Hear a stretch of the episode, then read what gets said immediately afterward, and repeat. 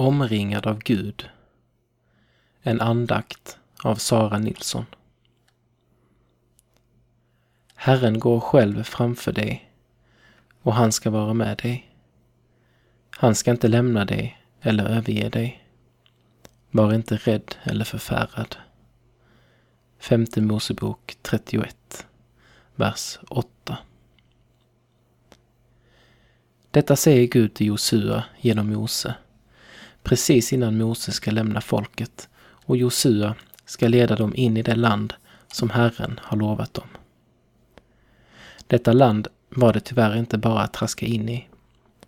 Där bodde människor som inte ville ha israeliterna hos sig.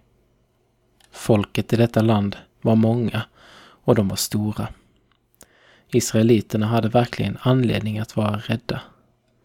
Det är just då som Gud säger detta. Jag vet inte hur det är med dig, men jag kan också bli riktigt rädd ibland. Rädd för något som ligger framför mig. Rädd för att möta en viss person. Ja, till och med rädd för att möta Gud.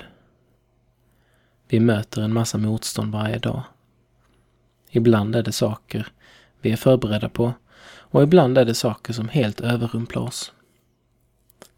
Då är det så tryggt att läsa den här bibelversen. Han vill alltid vara med dig. Han vill gå framför dig för att skydda dig. Han vill gå bredvid dig för att stötta dig. Och han vill gå bakom dig för att uppmuntra dig.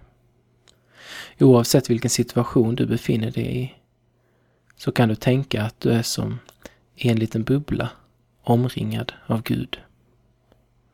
Precis som Gud aldrig övergav israeliterna så kommer han inte överge dem som tillhör hans folk idag.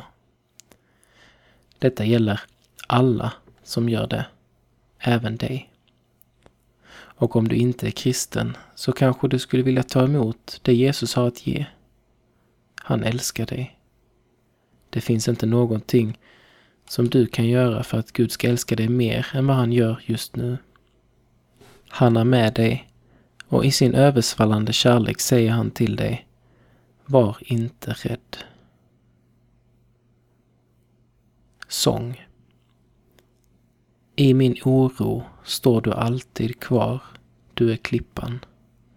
I din närhet min rädsla rinner av, rädslan rinner av.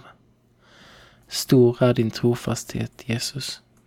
Stor är din trofasthet, Jesus. Stor är din trofasthet. Alla dagar är du med. Din trofasthet av Josefina Gniste. Bön. Herre, tack för att du har lovat att alltid vara med den som vill ha med dig att göra. Tack för att det är ett löfte jag får stå på och tack för att du håller det du lovat. Herre, när rädslan kommer så påminn mig om att jag är ditt barn och att du älskar mig över allt. Amen.